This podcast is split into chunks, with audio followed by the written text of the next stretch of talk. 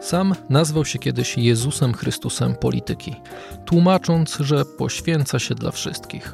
Baracka Obamy określił słowami przystojny, młody i opalony, a już po 24 lutego przechwalał się, że Władimir Putin wysłał mu na urodziny 20 butelek wódki i słodki list. W wieku prawie 87 lat zmarł Silvio Berlusconi. Można powiedzieć najważniejszy włoski polityk po II wojnie światowej. Bardzo kontrowersyjny, ale i długo kochany przez wyborców.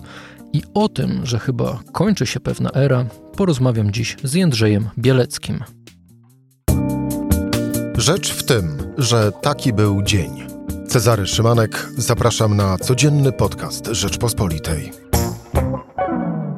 Cezary zapraszam, ale dziś w jego zastępstwie wyjątkowo Michał Płociński. Poniedziałek, 12 czerwca, a ze mną dziennikarz działu zagranicznego Rzeczpospolitej Jędrzej Bielecki. Cześć. Dzień dobry.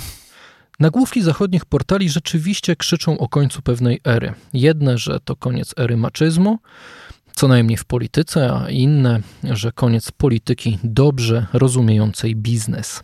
Ten koniec ery to tak na wyrost według ciebie, czy rzeczywiście Silvio Berlusconi reprezentował sobą coś więcej niż tylko tanie kontrowersje? No ja myślę, że przede wszystkim on był, y, to jest jedna wielka zawiedziona nadzieja, dlatego że trzeba sobie przypomnieć, jak zaczęła się jego wielka kariera polityczna. Y, zaczęła się najpierw od biznesu i to w latach 60. On pochodzi z Mediolanu, to były czasy cudu gospodarczego włoskiego.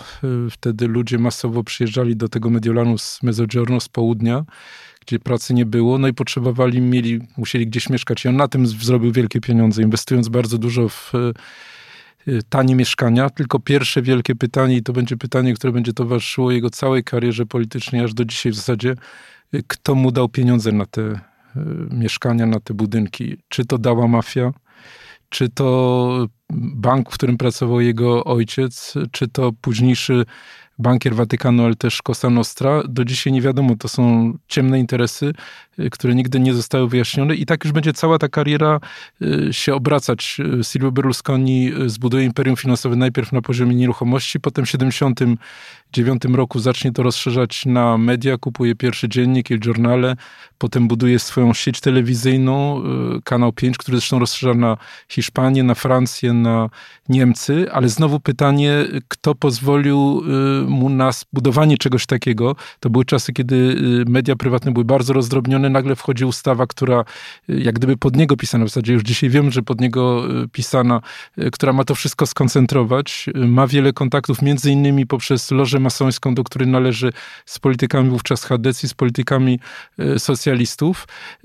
I kolejny etap w jego życiu znowu dosyć niejasny. Otóż na fali wielkiej afery korupcyjnej upadają dwa filary powojennych Włoch, socjaliści i chadecy, tworzy się nowe miejsce, ale Silvio Berlusconi, który mówi, że oficjalnie y, chce dojść do władzy, żeby zwalczać komunistów, komunistów, którzy już wtedy byli y, absolutnie w odwrocie, także potrzebuje bardzo szybko immunitetu, bo ścigają go prokuratorzy, bo jego imperium jest bardzo zadłużone.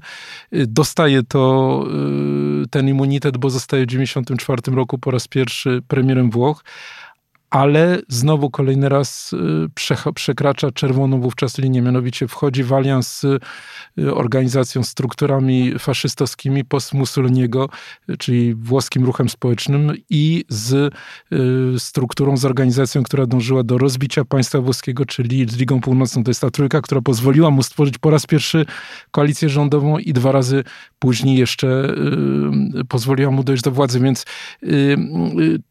czy, czy on, jak gdyby, czy kończy się pewna era? No ja bym powiedział, że kończy się era y, wielkiego zawodu, dlatego że co pozostawia Berlusconi? No pozostawia scenę polityczną, y, w której y, Włochy jako pierwszy duży kraj Unii, Unii Europejskiej, z tych czterech dużych krajów Unii Europejskiej jest rządzony przez skrajną prawicę, właśnie dzięki niemu, y, bo y, z jednej strony Fratelli d'Italia, właśnie ten, ten, ta struktura, która wyodrębniła się w kolejnych ruchach z, z ugrupowań poszfaszystowskich. Z drugiej strony Liga, która już nie jest Ligą Północną, ale która y, też jednak gra na, na, na skrajnej prawicy, jest u władzy.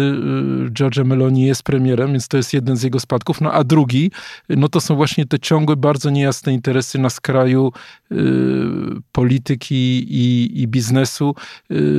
Dzisiaj wiemy, że to wszystko się odbywało. On nie mieszkał w Pałacu Chigi, czyli w siedzibie y, premierów Włoch, kiedy przez 9 lat w ciągu tych trzech kadencji pozostawał u władzy, tylko wynajął y, sobie osobny, jak gdyby tysiąc metrów w jednym z pałacu w Rzymie i tam się to wszystko jak gdyby kumulowało interesy państwa i interesy jego prywatnych firm. Więc no, był pierwszym premierem powojennych Włoszech, który, który, który moim zdaniem zagroził demokracji. Nie tylko zresztą z powodu właśnie tej mieszanki prywatnego biznesu z biznesem publicznym, czy sprawami publicznymi, ale także z powodu ogromnego wpływu na media. On, ten jego koncern medialny, Mediaset, który, który uruchomił, wiązał w czasie, kiedy był u władzy z mediami publicznymi. No i wtedy po raz pierwszy stanęło pytanie, czy Włochy nadal będą demokracją, kiedy jeden człowiek może tak wiele, tak wiele rzeczy kontrolować. No i wreszcie skandale obyczajowe, do których, do których doprowadził. One zostały ujawnione stopniowo. Słynne bunga bunga, zarówno w Rzymie, jak i w jego willi w Mediolanie. Bardzo często z nieletnimi. Dziś wiemy, że kilkadziesiąt kobiet żyło w tym pałacu w Rzymie. One były na jego usługi, więc on został za to skazany. Został też skazany na 4 lata więzienia za afery finansowe. No wszystko to jest bardzo smutne, dlatego że to jest człowiek, którego, tak jak powiedziałeś, wielu, przez wiele lat Włosi liczyli, że on doprowadzi do postawienia kraju na nogi. Wierzyli, że ten jego wielki biznes przez wiele lat był najbogatszym człowiekiem Włoch, zbudowany w zasadzie od zera. To jest wynik jego, jego umiejętności menedżerskich, że takie same umiejętności menedżerskie on będzie w stanie pokazać na poziomie państwa. Parę ruchów wykonał, obniżył na przykład podatki, ale nie poradził sobie z reformą włoskiego państwa. Ja podam taką liczbę, kiedy dochodził do władzy różnica w poziomie życia między Włochami a Niemcami wynosiła 40%, dzisiaj to jest 20%. Na odwrót. 40% była. Było, było, było, tak, znaczy, przepraszam, na odwrót oczywiście. 20% było różnicy, kiedy dochodzi do władzy, dzisiaj jest 40%. Tak jest, absolutnie masz rację. Czyli Włochy coraz bardziej odstają od tej europejskiej. Inny sposób patrzenia na to to jest to, że przez przeszło 20 już teraz lat bycia w Unii Walutowej to się zbiegło z jego rządami. W zasadzie nie było żadnego wzrostu w tym kraju ale czy jego odejście rzeczywiście coś zmieni we włoskiej polityce? Czy on był wciąż na tyle znaczącą osobą, że bez niego, e, nie wiem, rząd, który w tej chwili przecież współtworzy także jego e, Forza Italia, no ale jednak ważniejszą rolę odgrywa tam Liga czy bracia e, Włosi, zmieni swoją politykę, czy podejście włoskich wyborców, którzy, zresztą jak sam piszesz na naszym portalu rp.pl, którzy, wyborcy, którzy już są zmęczeni nawet Berlusconim, poszli jeszcze bardziej na prawo, że za, na Forza Italię to głosują w tej chwili prawie wyłącznie emeryci, a ci młodzi, którzy e, szukają jakiegoś e, prawda, wyrażenia swojego buntu i tak poszli jeszcze dalej. Czy bez Berlusconiego coś się zmieni? Y, znaczy, moim zdaniem główną spuścizną po Berlusconi będzie sposób uprawiania polityki. Znaczy, nie jej esencja, nie partia, bo w ostatnich wyborach w zeszłym roku Forza Italia otrzymała 8% głosów jest kompletnie marginalną w tej chwili partią. Prawdopodobnie nie przetra, nie przetrwa swojego twórcy. Jedynym tam znaczącym politykiem jest Tajani, szef dyplomacji, były, były szef Parlamentu Europejskiego. To, co pozostanie moim zdaniem i to jest wzór, który przyjął bardzo wiele y, krajów, także Polska, ale Ameryka Donalda Trumpa, Brexit Johnsona, wielki sukces Le Pen, można mnożyć te przykłady, to jest populistyczny sposób ubrania polityki. To znaczy poprzez media proste przekazy, polaryzację, yy, yy, przesłania, no i właśnie i, i brak brak zahamowań w y, wchodzeniu w aliansy z, z partiami skrajnymi. No to jest to, co, to, co jak gdyby będzie tą główną spuścizną y, Berlusconiego, no, no, no bardzo smutno. Nie pozostanie po nim najprawdopodobniej także wielkie imperium biznesowe, które Mediaset w większości już zostało przejęte przez y, wielkiego biznesmena francuskiego Bolloré, który, który ma w tej chwili strategiczne w tym udziały. Reszta, o, resztę, o resztę walczą dzieci z dwóch małżeństw Berlusconiego, piątka nie ma jak gdyby jasnego, więc nawet na tym poziomie to nie pozostanie. Jakbyśmy mieli przypomnieć jeszcze, Berlusconiego E, początki, to on wchodził jako centrowy polityk, można powiedzieć. On nie wydawał się wcale skrajnie prawicowym politykiem, który tak bardzo zmieni e, współczesne Włochy. Y, no Forza Italia była uważana za takim dziedzictwem, ona, ona wchodziła na miejsce Hadecji, tej skompromitowanej, jak powiedziałem, y, aferami korupcyjnymi i rzeczywiście była partnerem, y, partnerem partii umiarkowanych, wydawał się, Angeli Merkel, ówczesnych torysów. Jeszcze. Miała być nowa Hadecja. To miała być nowa Hadecja, tym bardziej, że wówczas y, Berlusconi bardzo grał y, blisko Ameryki, y, odciął się od dyktatorów z krajów arabskich, między innymi od Kaddafiego.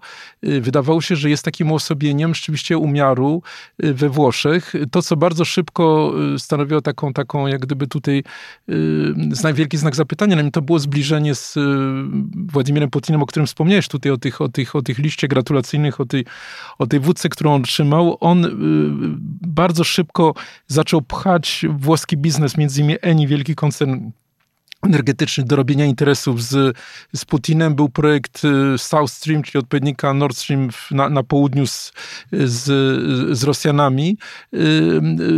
Tą przyjaźń utrzymywał w zasadzie do końca, na przykład już po inwazji, jako bardzo pode, podeszłym wieku y, polityk y, po inwazji rosyjskiej na Ukrainę mówił, że tak naprawdę to Ukraińcy są temu wilni, że oni prowadzili politykę agresywną, jak to ujął, że Putinowi nie chodziło o nic innego jako y, zamianę prezydenta Zeleńskiego na, jak to ujął, rozsądnych ludzi, więc do końca trzymał się jak gdyby tej wersji. Całą sprawę uratowała, uratowała akurat w tym przypadku Meloni, która prowadzi politykę zdecydowanie proukraińską i antyrosyjską rosyjsko. Natomiast on tutaj jak gdyby nie miał y, z tym problemu y, i cały ten finał był tym bardziej żałosny, żałośniejszy, że w zeszłym roku jeszcze pchany już 86-letni chory na białaczkę, na serce, po bypassach, po wielu operacjach, polityk y, próbował zostać prezydentem Włoch. Próbował zostać prezydentem Włoch i wtedy no, obawy już były tak duże, że dziś 81-letni y, Sergio Mattarella, obecny prezydent, który już chciał odejść, miał serdecznie dosyć, został przekonany między innymi przez Mario Dragiego i innych polityków mainstreamowych włoskich, żeby na trzecią kadencję pozostał, kandydował, no i siedzi w tej chwili w Pałacu Kwirinalskim w, w, w Rzymie, no bo żeby tylko, żeby znowu Berlusconi nie pojawił się na ekranach. A widzisz, może to nie jest tak, że to mm, Berlusconi się zmieniał sam z siebie przez swoją jednak dwudziestoletnią długą karierę we włoskiej e, polityce, do której wszedł zresztą bez żadnego wcześniejszego doświadczenia, prawda? To był człowiek z biznesu, który nagle zostaje premierem. To chyba też było takie mm, znaczące, że taki pierwszy miliarder w polityce, zanim poszedł potem oczywiście Donald Trump, ale może on się zmieniał wraz ze zmieniającym się światem. Może coś po prostu na tym naszym zachodzie zaczęło się zmieniać, pojawił się populizm, pojawiły się takie potrzeby y, wyborcze i on, jako człowiek y, świetnie rozumiejący media i społeczeństwo, po prostu za tym szedł. Y, no niewątpliwie kluczową rolę odegrała tutaj jego, jego imperium medialne, to był inny typ partii, to była partia wodzowska, dlatego moim zdaniem nie przetrwa jego śmierci.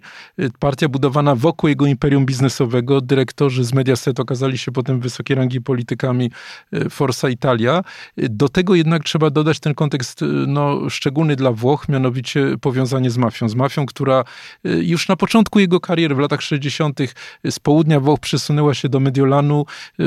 On był wielokrotnie oskarżany o powiązania z właśnie ze strukturami mafijnymi. Więc no, dziś Włochy w dużym stopniu z powodu Berlusconiego są chorym człowiekiem Europy, znaczy tym krajem, który na przykład, jeżeli jest jakieś fundamentalne zagrożenie dla przyszłości euro, no to no, wynika z, z ogromnego zadłużenia Włoch, 140% dochodu narodowego, suma bliska 3 bilionów euro, których nawet Niemcy nie są w stanie zapłacić, więc nie byłoby komu w ogóle ratować, gdyby okazało się, że raz jeszcze tak nieodpowiedzialny polityk by się znalazł na czele y, władz w Rzymie, więc y, masz rację, że to jest nowy, nowy, nowy trend, tylko bardzo trudno znaleźć cokolwiek pozytywnego w tym, co Berlusconi robił. Ja bym tego optymizmu chociaż na koniec jeszcze trochę e, poszukał, może nie w samym Berlusconim, ale w nauczce, jaka płynie z jego rządów i z jego historii. Myślisz, że mm, jakieś wnioski wyciągniemy? Obawiam się, że na razie nie, dlatego że y, póki co jego styl uprawiania polityki jest y, na fali w całej Europie. No, przed chwilą dosięgnął Szwecji, za chwilę w lipcu jest wielkie prawdopodobieństwo, że dosięgnie Hiszpanii. Y, we Włoszech opozycja umiarkowana w zasadzie nie istnieje, partia demokratyczna jest bardzo słaba. Na prawicy, no przed chwilą powiedzieliśmy, że Forza Italia jest w zaniku, więc no na razie ja nie bardzo widzę, żeby tutaj był jakikolwiek y, zmierzch tego, tego, tego sposobu myślenia, choć oczywiście wydarzenia no, tak szybko posuwają się w świecie medialnym, że, że być może za kilka lat wszystko się zmieni.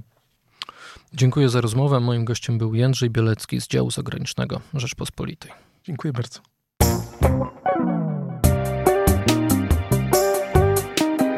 Rzecz w tym to codzienny program Rzeczpospolitej. Od poniedziałku do czwartku o godzinie 17. Słuchaj na stronie podcasty.rp.pl. Włącz Rzecz w tym w serwisie streamingowym.